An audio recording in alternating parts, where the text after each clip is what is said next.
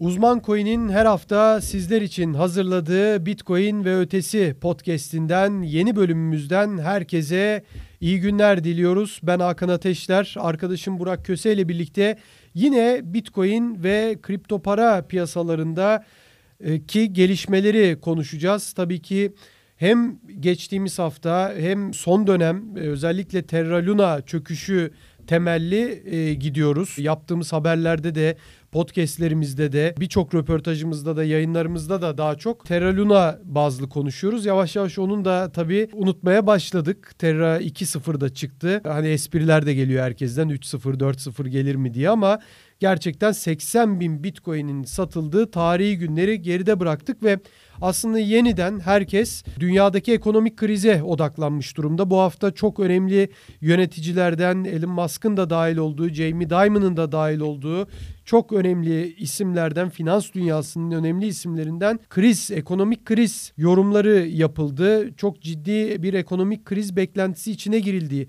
söylendi. Cuma akşamı Biden, Amerika Birleşik Devletleri Biden'da Biden'a Elon Musk soruldu. Jamie Dimon sorulmadı ama Elon Musk'ın tabii popülaritesinden ötürü Biden'da siz o zaman Ford'a bakın dedi. Ford'un yaptığı yatırımlara bakın. Onlar da e, zannediyorum 40 bin ya da son çeyrekte 10 bin işçi alımı yaptılar dedi. Joe Joe Biden evet zor günler yaşıyoruz. Her şey çok iyi değil ama denildiği kadar da çok da kötü değil dedi. Joe Biden böyle bir cevap verdi. Elon Musk'ı direkt olarak e, hedef almasa da on, on, o temelli sorulan soruya böyle bir cevap verdi Amerikan başkanı. Hemen Burak sana sorayım. Zaten biz senle bu podcast'i yapmaya başlamamızdan beri konuşuyoruz. Yani enflasyon, Bitcoin'in bu anlamdaki önemi, değeri bunların hepsini konuşuyoruz. Bunu şimdi canlı canlı yaşamaya başladık. Yani görmeye başladık. Türkiye'deki enflasyon işte e, devlet %70 diyor. Onun dışındaki kurumlar %160 diyor. Yani ortasını bile alsak yani niye ortasını alalım ama ortasını bile alsak hadi gerçekten e, çok yüksek rakamlar. Dünyada böyle. falan. E, evet yani neler söylemek istersin? Biz dünyada şu an bir krizin içerisinde miyiz? Jamie Dimon'un dediği gibi bir kasırga mı geliyor bize ekonomik kriz kasırgası mı geliyor? Tedarik zincirini anlatmama gerek yok problemlerini. Ee, Ukrayna-Rusya savaşını çok konuştuk. Yani bu soruyu uzattıkça uzatırım ya 10 dakika daha konuşurum ama bu ekonomik kriz, resesyon ve enflasyon beklentileriyle ilgili düşüncelerin nelerdir? Zaten bence epeydir bir ekonomik krizin içerisindeyiz. Yani baktığımız zaman da son e, iki yılı bir taradığımızda Orada evet. e, özellikle pandemiyle başlayan süreç zaten bir o ciddi bir dünya ekonomisi için önemli bir kriz krizdi yani. O devam eden bir süreç şu anda bana göre. Tabii burada asıl nokta şu. Pandemi süreci ve sonrasında merkez bankaları çok ciddi para genişleme politikaları izlediler. E bunun sonucunda tabii ekonomide de bir canlanma görüldü. Hem hisse tarafında hem kripto paralarda da varlık fiyatlarında da önemli artışlar görüldü. Şimdi 2008-2009'dan sonra ilk kez aslında e, FED parasal sıkılaşmaya gidiyor ciddi manada baktığımızda. E bunun da getirdiği böyle bir e, sarsıntı dönemi yaşıyoruz. Bu e, son zamanlarda gerçekten yöneticiler ve bazı ekonomistler bir ekonomik kriz konusunda adeta böyle ağız birliği yapmışçasına evet. bir fırtına geliyor yaklaşımını gösterdiler. Yani bu özellikle mesela Elon Musk'ın çok son zamanlarda açıklamaları çok gündeme geldi bu işçi çıkarma konusunda.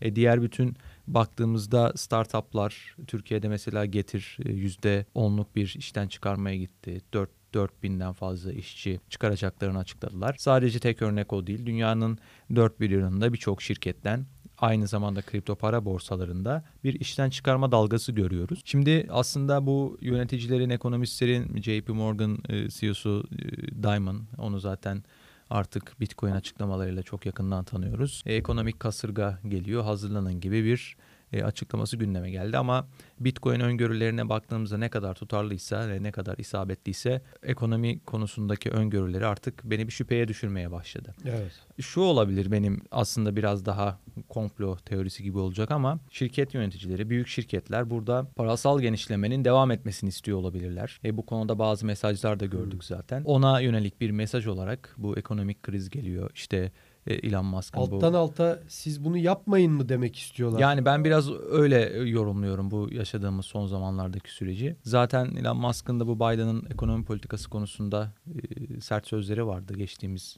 e, haftalarda bunun da haberini yapmıştık. Bir parasal genişleme tekrar isteniyor yani bir şekilde bir teşvik politikası evet. bekleniyor FED'den. Bakalım bu e, tabii şu da var. E, bu parasal genişleme politikası e, gelecek olan e, enflasyona da tabii bağlı olduğu için bu enflasyon açıklaması doğrultusunda özellikle önümüzdeki 10 gün sonra bir e, FED faiz kararı olacak. Biraz enflasyonda artık zirve noktayı gördüğümüz ve bundan sonra enflasyonun düşüşe geçeceği. Tabii bunu Amerikan ekonomisi için konuşuyoruz. Türkiye'de enflasyonun düşüşe geçmesi gibi bir durum evet. şu anki koşullarda Zor. pek olabilir gözükmüyor açıkçası. Yani niye Amerikan ekonomisini konuşuyoruz? Dünyanın en büyük ekonomisi diye konuşuyoruz. Bizim gibi ülkeler genelde işte Türkiye olur, Yunanistan olur, çeşitli Afrika ülkeleri olur. Bunlar gelişmekte olan ülkeler e, kategorisine girdiği için bizde tabii bu tür enflasyon olaylarında çok da hani hep şu deniyor biz alışığız e, Bunları daha önce de gördük deniyor ama alışık olmak da çok güzel bir şey değil. Bir de şimdiki kriz dediğin gibi öyle üç günde gelen bir kriz değil. E, biz krize de alıştık. Ve e, gerçekten bu sefer Türk halkı olarak da yani gelişmekte olan ülkelerin halkları olarak da bence e, biraz terste yakalandık gibi geldi. Yani bu seferki kriz yani enflasyon şöyle bir örnek verelim. Yani benim eski çalıştığım iş yerinde mesela anlatırdı oradaki abilerimiz. İşte 90'larda krizler olurdu. 2001 krizi olurdu. Mesela gelen zam zaten enflasyon oranıyla eşit olurmuş. Yani %35 evet. mi enflasyon var? %35 zam alırmışsın. %80 zam alıyormuş insanlar. Yani şimdi tamam şimdi de enflasyon var ama sen 10 lira maaş alıyorsan şimdi %70 diyelim devletin 17 lira mı olacak? %70 almayacak kimse zammını. Herkes %10, %15, %20 alıyor. E, dolayısıyla veya %35, %40 alan da var ama e, yine enflasyonun altında birçok şey. Yine Türk lirası ciddi şekilde değer kaybetmeye devam ediyor. Yine işte araba fiyatları görüyoruz. Elektronik fiyatlarını görüyoruz. Dolayısıyla burada çok ciddi şekilde bir erime var. Geçtiğimiz ekonomik krizlerle pek aynı değil gibi geliyor evet. bana. Onu belirtmek lazım. Bu bütün dünyada böyle ama tabii bizdeki çok daha fazla gibi gözüküyor. Yani Avrupa tamam Avrupa'da da enflasyon var. Yüzde sekiz, sekiz buçuk ama yani oradaki... Biz şu anda enflasyonda tabii, dünya üçüncüsü konumundayız. Tabii. Tabii çok ciddi bir... Bizim e, üstümüzde bir de zaten evet. Venezuela var. İkinci sırada da Sudan var. Evet yani Arjantin'de geçtik. Arjantin'de geçtik evet. evet. Arjantin özellikle zaten yüzde 40, 50, 60 gibi gidiyordu. Hı-hı. Son senelerde biz Arjantin olur muyuz deniyordu. Şimdi artık Venezuela olur muyuz? Venezuela'da da gidişat iyi aslında. Yüzde 500 evet. falan şu anda. Orada şundan dolayı zannediyorum bir bu petrol konusunda Amerikalılarla Venezuelalılar tekrardan bir anlaşma yoluna gidiyorlar gibi bir e, birkaç haber okumuştum birkaç hafta önce. Dünyadaki bu Rusya kaynaklı krizden ötürü Amerikalılar Venezuela tarafına biraz yanaşmaya başlamışlar. Tabii politika çünkü Venezuela'dan da çıkan Amerikalılardı. Amerikalılar çıkınca Venezuelalılar hiçbir türlü o petrolü çıkaramadılar. Çünkü çok zannediyorum orada derinlerde bir petrol ve kendileri çıkaramıyorlar bunu. O teknolojileri yok ve bunun da alıcısı Amerika'ymış. Hmm. Yani e, Amerika almadığı zaman ve biliyorsun Amerika'nın gücünden dolayı da e, kimse almayacak dedi mi almıyorlar, alamıyorlar. İşte biraz Rusya falan gidiyordu oralara gemi gönderiyordu petrol. İran yapmaya çalışıyordu ama yetmiyordu. Bu yüzden şimdi Amerika tekrardan almaya başlarsa e, bambaşka bir e, Venezuela'da da bu şey düşebilir. Çünkü Venezuela'da gerçekten petrol dışında pek fazla bir gelir yok. Mesela ya bizde de tarım belki şu anda çok kötü durumda ama yine bir tarım bir sanayi bizde var mesela ama Venezuela'da bunlar yok. Onu da belirtelim. Tabii bu konu çok uzar. E, hemen o zaman sana şunu da soracağım bu konuyla ilgili. Bu işçi çıkarmaları işte Coinbase'in işçi çıkarması, çalışanlarının görevlerine son vermesi, yapılan anlaşmaların iptal edileceği yönünde haberler var. Tesla %10 dedi Elon Musk. Zaten %10 azaltmamız lazım çalışan sayısını dedi. Bütün bunlara baktığın zaman işte sen söyledin Jamie Dimon. Bu parasal sıkılaştırmayı yapabilecek mi sence Amerika? Çünkü dikkat et ayda 90 milyardı. Şimdi onu tam son anda bir FED Başkanı Jerome Powell dedi ki ayda 45 milyar dolarla biz bir başlayalım dedi. Evet. Aslında o 45 milyar dolar yoktu evet. hiç programın içinde. 90 milyar dolar para yakacaktı tırnak içinde hı hı. ayda bir anda 45 milyara düşürdüler. E, peki bu bir andalar değişebilir mi? Çünkü dikkat et Fed'in bu anlamdaki politikalar hep değişiyor. Geçtiğimiz sene ne diyorlardı? Geçici diyorlardı enflasyon. Bunu Avrupa Birliği Merkez Bankası Jerome Powell da söylüyordu. Bir anda geçici geçici her şey geçecek o kadar da kötü değil canım abartmayından biz yanılmışız dedi. Janet Yellen mesela Hazine Bakanı biz yanılmışız dedi. Ya şimdi yanıldık dedin de geçti artık yanıldıktan sonra Atalan Üsküdar'ı geçti. Yani dünyaya olan olduktan sonra senin onu kabul etmenin bir önemi yok. Şimdi acaba yani parasal sıkılaştırma biz 90 dedik 45'e indirdik ama birkaç ay 45 yapıp birkaç ay ara verip sonra devam ederiz falan demesin bunlar sonra. De diyebilirler bence çok sürpriz de olmaz böyle Evet. bir şey söylemeleri. Çünkü gerçekten şirketler zor durumda şu anda. Yani kripto para piyasası açısından konuşacak olursak burada da zaten ciddi bir e, hem fiyatlarda da büyüme olmuştu. Bu büyümenin getirdiği bir de kullanıcı seli oldu adeta Evet. bu borsalara akan. Tabii borsalarda buna ayak uydurmak için çok ciddi bir büyümeye gittiler. Hem çalışan sayısı bakımından. Şimdi geldiğimiz noktada ekonomik anlamda tüm küresel piyasalarda yeni bir dar boğazdayız. Aynı zamanda kripto para fiyatları da düşmüş durumda epey. Böyle düşünce tabii fiyatlar bu kadar artık yerlerde olunca sen de daha önceki tecrübelerinden biliyorsun piyasada artık yaprak kımıldamıyor. İnsanlar alıp satmıyorlar. işlem hacimleri çok düşüyor. E, do- do- doğal olarak da bu borsaların gelirlerini çok önemli ölçüde etkiliyor. Şimdi şeye dönecek olursak bunu eski düşündükleri rahatlıkla yapabilirler mi parasal sıkılaşmayı? Yani bence artık bu noktadan sonra yapamayacaklarını düşünüyorum ben bu kadar e, rahat bir şekilde. Senin de zaten söylediğin gibi 90 milyar dolardı varlık alımlarının azaltılması. Bu 45 milyar dolara olarak açıklandı. Şimdi bir de faiz artırımı konusunda da biraz Fed'in e, oradan gelen mesajlar hızlı bir şekilde gidilmeyebileceği yönünde aslında. Yani Arttırma. Art, artırma aynen. Önümüzdeki iki ay işte %50 artırmak, %50 bas puan e, artırılması bekleniyor. Ama işte 75 bas puan gibi veya işte sürekli her toplantıda 50 bas puan gibi artırımlar şu anki koşullarda zor görünüyor Evet. açıkçası. Ee, şunu da soracağım. Şimdi tabii öyle bir ortamdayız ki belirsizlik hakim.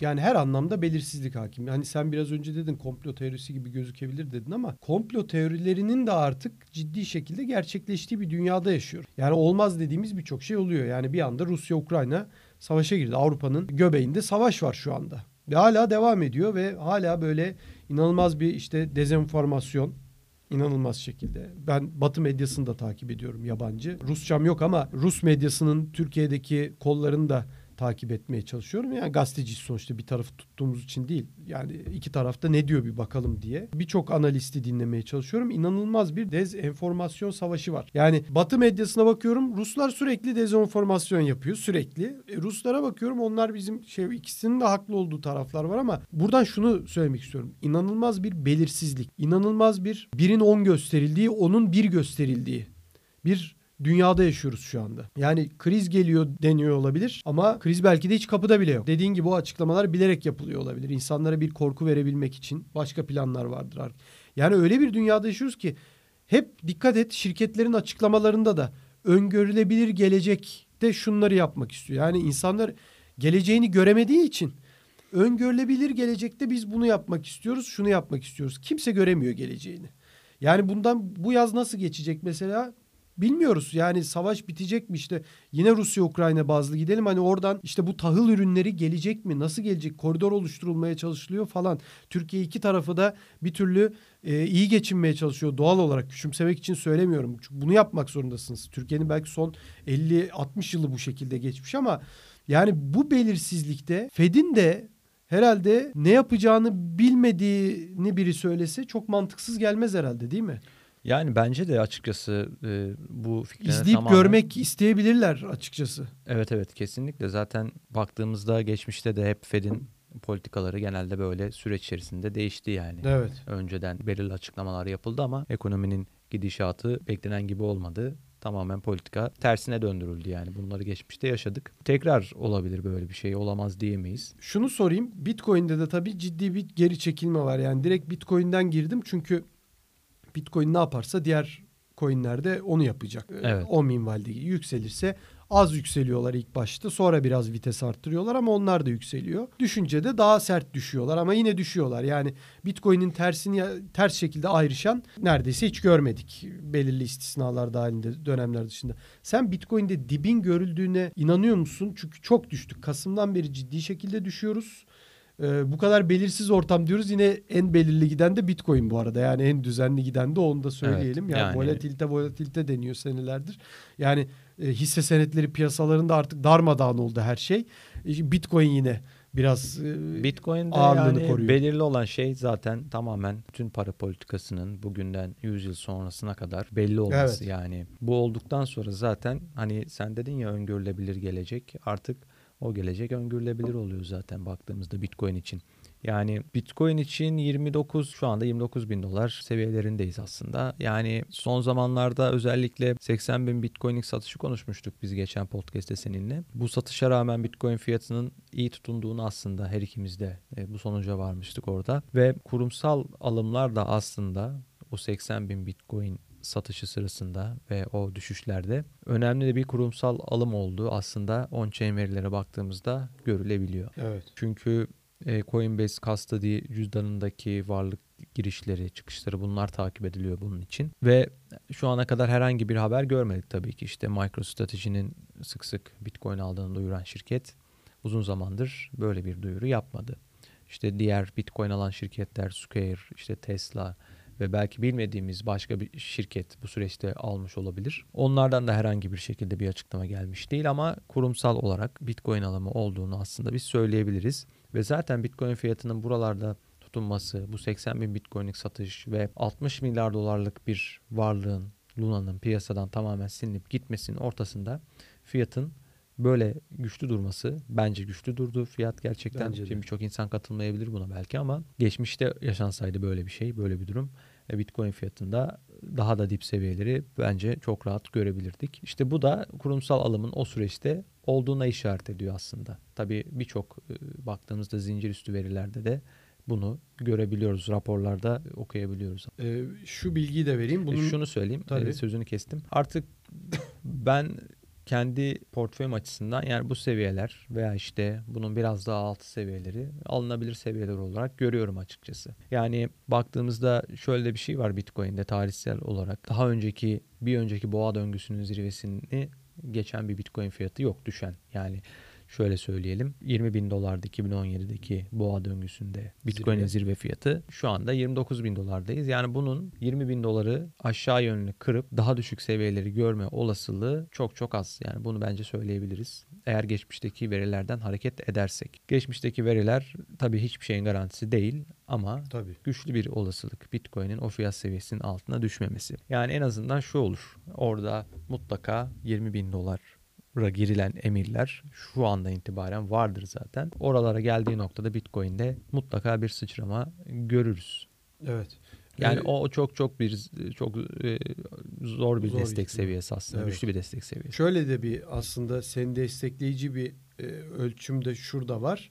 Mesela bir bitcoin'e sahip olan adres sayısı da rekor kırmış. Yani en az bir bitcoin diyeyim. Bir bitcoin demeyeyim de en az bir bitcoin'e sahip adres sayısında ciddi bir rekor. Yani zaten ciddi şu seviye. da var. Ya bu da yani küçük yatırımcıyı göstermez mi bize? Tabii küçük yatırımcı da son bu süreçte gerçekten alım yaptı yani. Bunu bir fırsat göre görerek hareket eden küçük yatırımcıların olduğunu söylemek lazım. Yani şöyle söyleyebilirim ayrıca. Şimdi fiyat düşüşleri olduğu zaman da uzun zamandır zaten Bitcoin fiyatı da çok düşük seviyelerde seyrediyor. İlgide bir acayip bir geri çekilme evet. görürdük. Bunu özellikle biz bazı işte hem kendi istatistiklerimiz üzerinden baktığımızda ama bu son haftalarda özellikle çok ciddi bir kripto paralara bir ilgi olduğunu söyleyebiliriz açıkçası. Yani insanlar korkup bu düşüş karşısında tamam bitti buraya kadar deyip geri çekilmiş değiller. Yeni insanlar hala piyasaya giriyor. Bu da aslında kripto paraların büyük bütün bir varlık sınıfı olarak kalıcı olacağını ve sürekli bir yatırımcı akışının olacağını bu piyasaya bence evet. gösteriyor. Bence de öyle. Yani insanlar bir kere alıştı. Şu çok önemli. Kripto para yatırımı yapmak bir kere çok kolay. Hiç öyle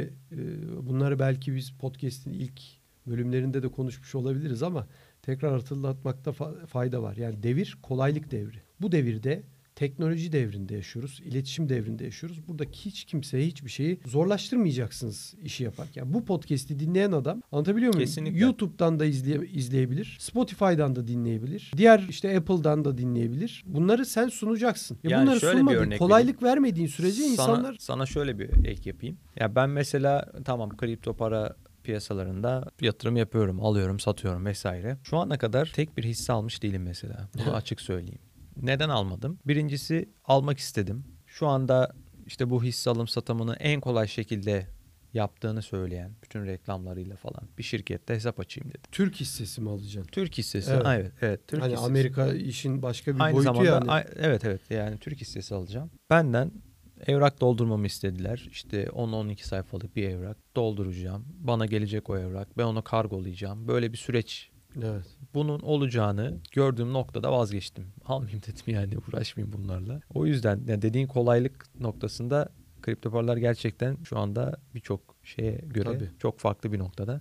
O yüzden zaten bu çok bu kadar çok insan kripto para alıp satıyor aslında. Artık devir yani her gün, her saat, her dakika devri. Anlatabiliyor muyum? Biz şimdi bu podcast'i bir hafta sonu gününde çekiyoruz. Yani hafta sonu işte tatiller bunlar hepsi artık bu dünyada birbirine girmiş durumda. Ya dünyadaki çünkü globalleştiği için dünya iletişim şimdi sen nasıl diyeyim şimdi hafta sonu postaneler kapalı. Birine bir mektup yazsan bunu cuma akşamı göndersen bir kere pazartesi sabahından önce onun yola çıkması imkansız. Pazartesi sabahı oraya postaneye gelecek de insanlar, çalışanlar onu gere- gerekli yerlere gönderecek oradan gidecek o mektup. E şimdi iletişimde böyle bir şey yok. Ben telefondan mesaj atmak istediğimde sana şu anda hemen o mesaj gelir. Bunu parada da yapmak zorundasın. Hani sokak röportajlarında çok konuşuluyor ya işte telefonuna bakayım, telefonuna bakayım. Ya telefonuna baktığın şey aslında anlık orada Instagram'daki fotoğraflar, TikTok'taki saçma sapan videolar değil.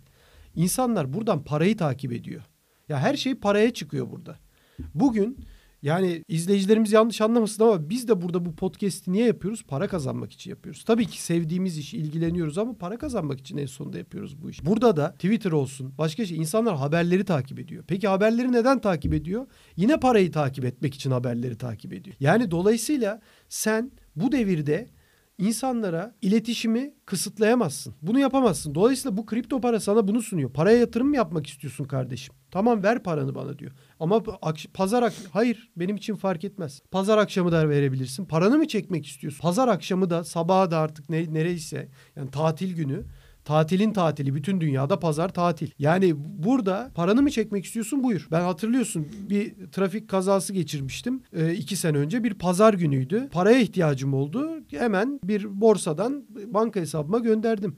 Ama e, muhtemelen bir hisse senedinde olsaydı o kripto parası bende olmasaydı ve hisse senedinde olsaydı ben o hisse senedini bozma emrini vereceğim. Pazartesi o emir gelecek. Çarşamba bozacak. Belki perşembe o para benim hesabıma yatacak. Böyle şeyler var hisse senedi piyasalarında. Yani bunu banka aplikasyonundan yapmak istediğinde. Dolayısıyla sen bunu artık bu saatten sonra yapamazsın. Ya biz burada parayı konuşuyoruz. Kripto parayı konuşuyoruz ama bu her şeyde böyle. Bi- Biz burada yaptığımız bu podcast'i adam cumartesi akşamı dinlemek istiyorsa cumartesi akşamı dinler kardeşim. Spotify diyemez. Biz kapalıyız da işte veremiyoruz yayın cumartesi. Kusura bakmayın pazartesi diyemez bunu. Kusura Amerika'da işte 7 saat geriyiz. Ee, biraz daha bunu diyemezsin. Eskiden böyle şeyler var tabii Spotify falan yoktu ama hani buydu olay eskiden. Şimdi bu devirde iletişimi sen buradan Afrika'ya bir saniyede gönderdiğin mesaj işte veya mavi tık olduğu zaman aldığını anladığın mesajı bir dünyada bu teknolojinin olduğu bir dünyada sen parayı da göndereceksin kardeşim. Dolayısıyla sen burada hiçbir şeyi bozamazsın. İnsanlara bu hizmeti sağlamak zorundasın diyelim. Bu konuya girersek bu podcast bitmez.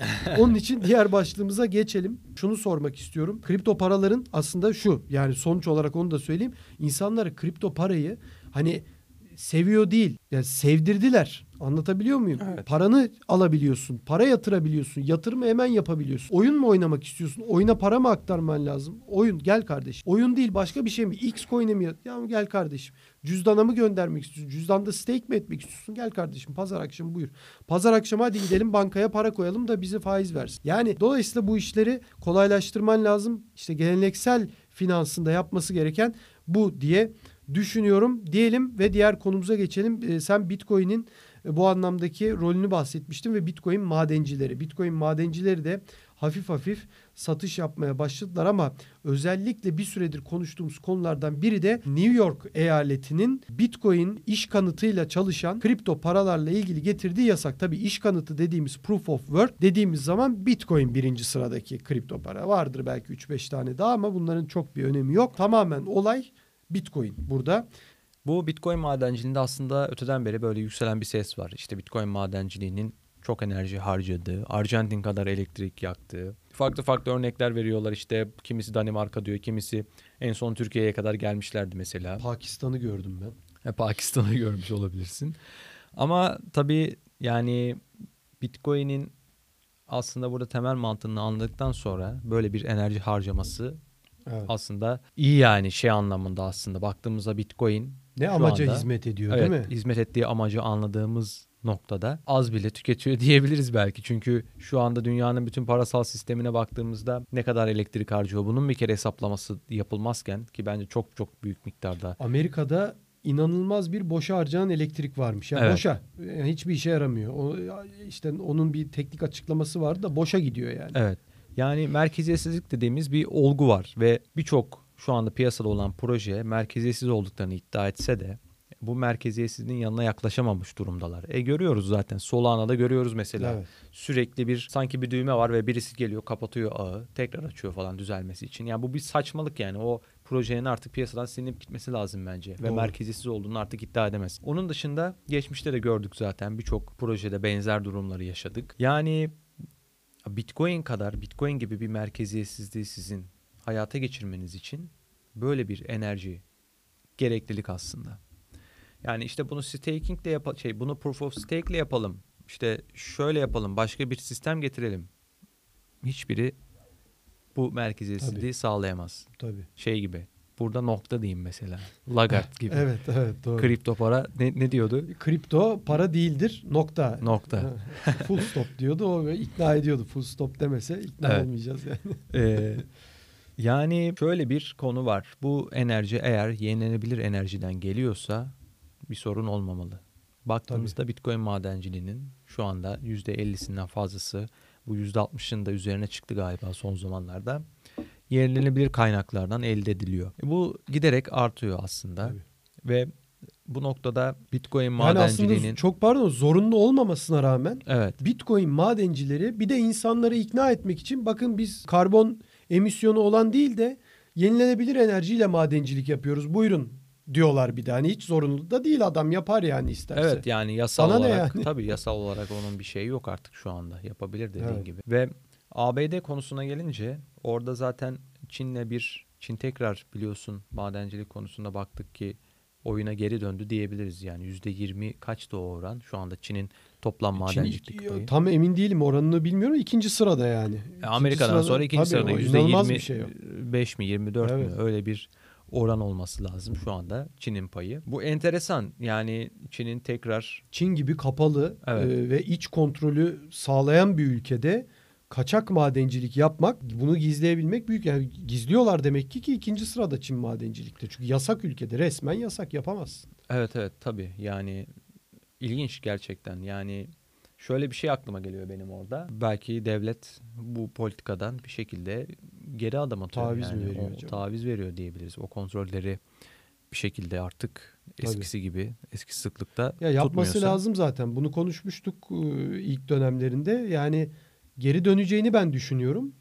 Mutlaka geri dönecektir. Devletlerin zaten böyle gururu olmaz. Yani devletlerin duygusallığı da olmaz, sevinci, üzüntüsü de olmaz. Devletler o an ne gerekiyorsa o yapar, onu yapar. Bence mutlaka bir gün geri dönecekler. Evet ben de öyle düşünüyorum açıkçası. İşte orada bu rekabet gücünü de Amerika kaybetmek istemeyecektir. Tabii. New York madenciliği yasaklayabilir. Diğer eyaletlerde bu iş devam eder.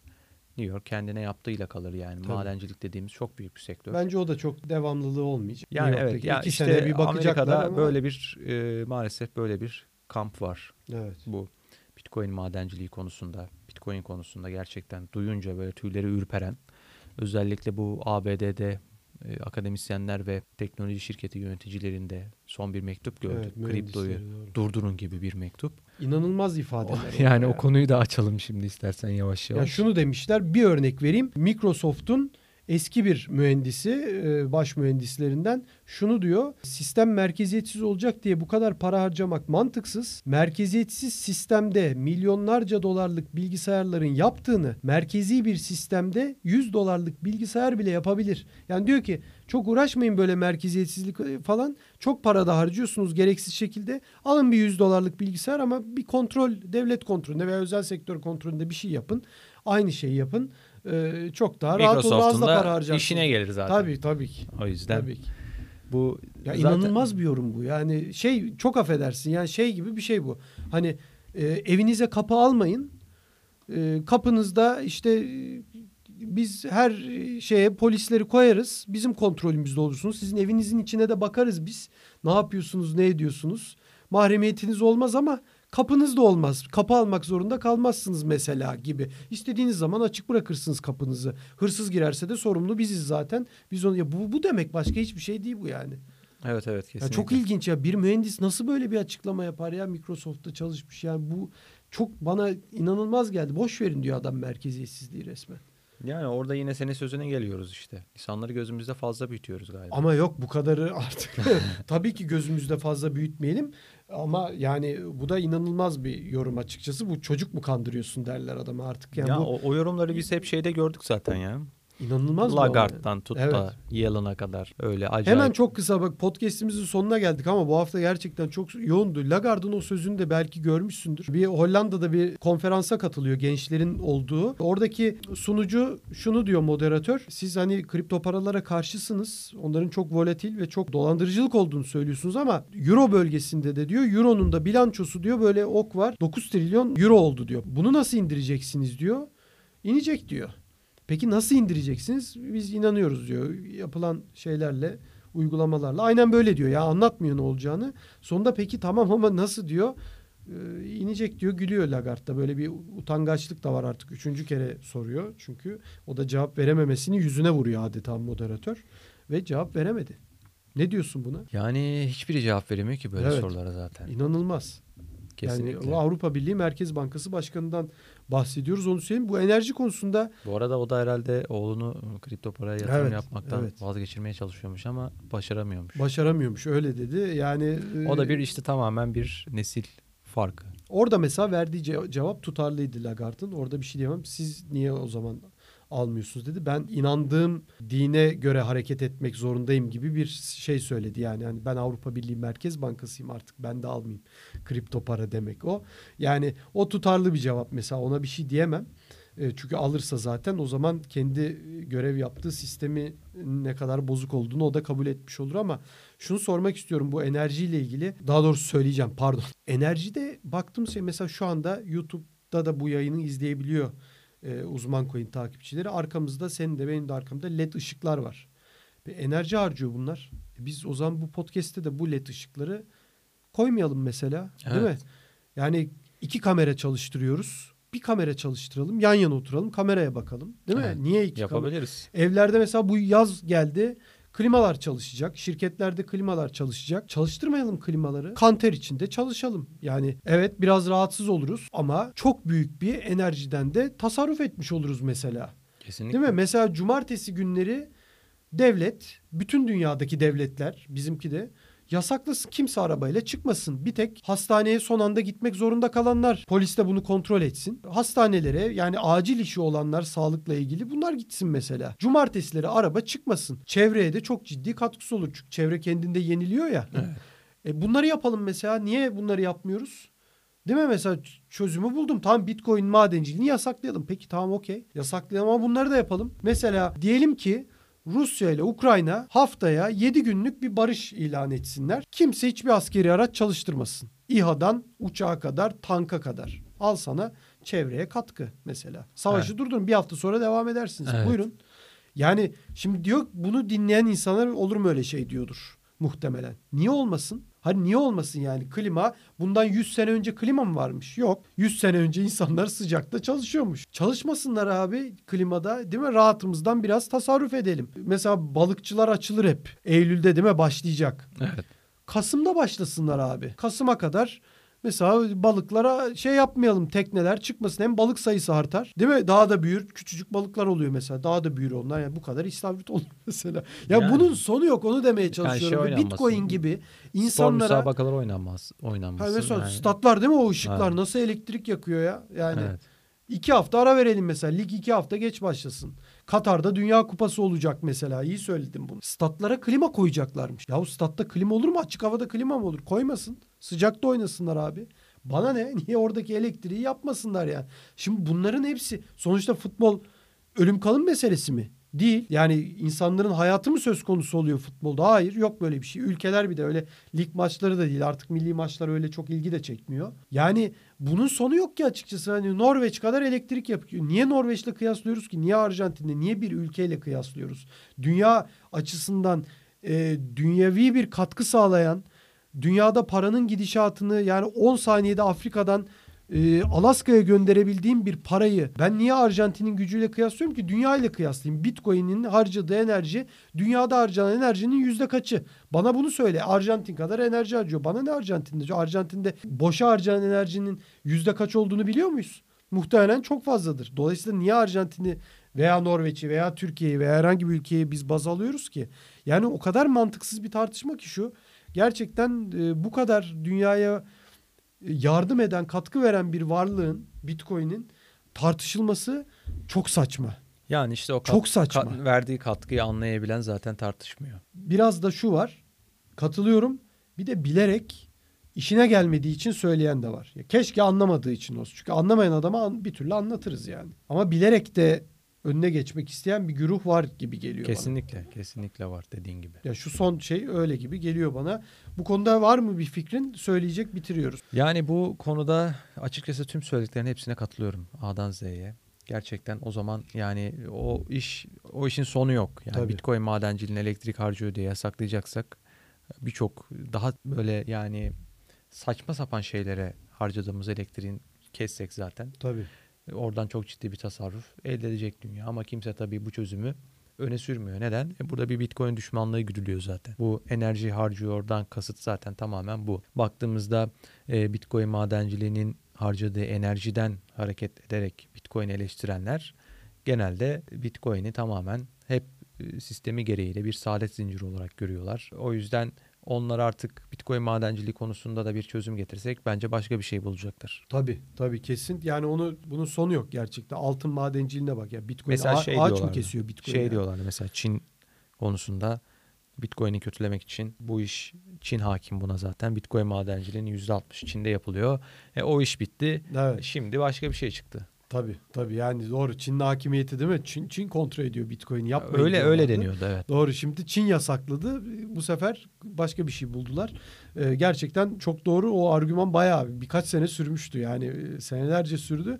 Dediğim gibi altın madenciliği yani Bitcoin madenciliği ağaç mı kesiyor bir şey mi yapıyor? Olan elektriği zaten elektriğe çevrilmiş enerjiyi kullanıyor. Yani Bitcoin için apayrı böyle bir e, santraller orada elektrik çekiyor olmayan bir elektrik Zaten şey harcanmayacaktı şey da harcanıyordu diye bir şey yok ki.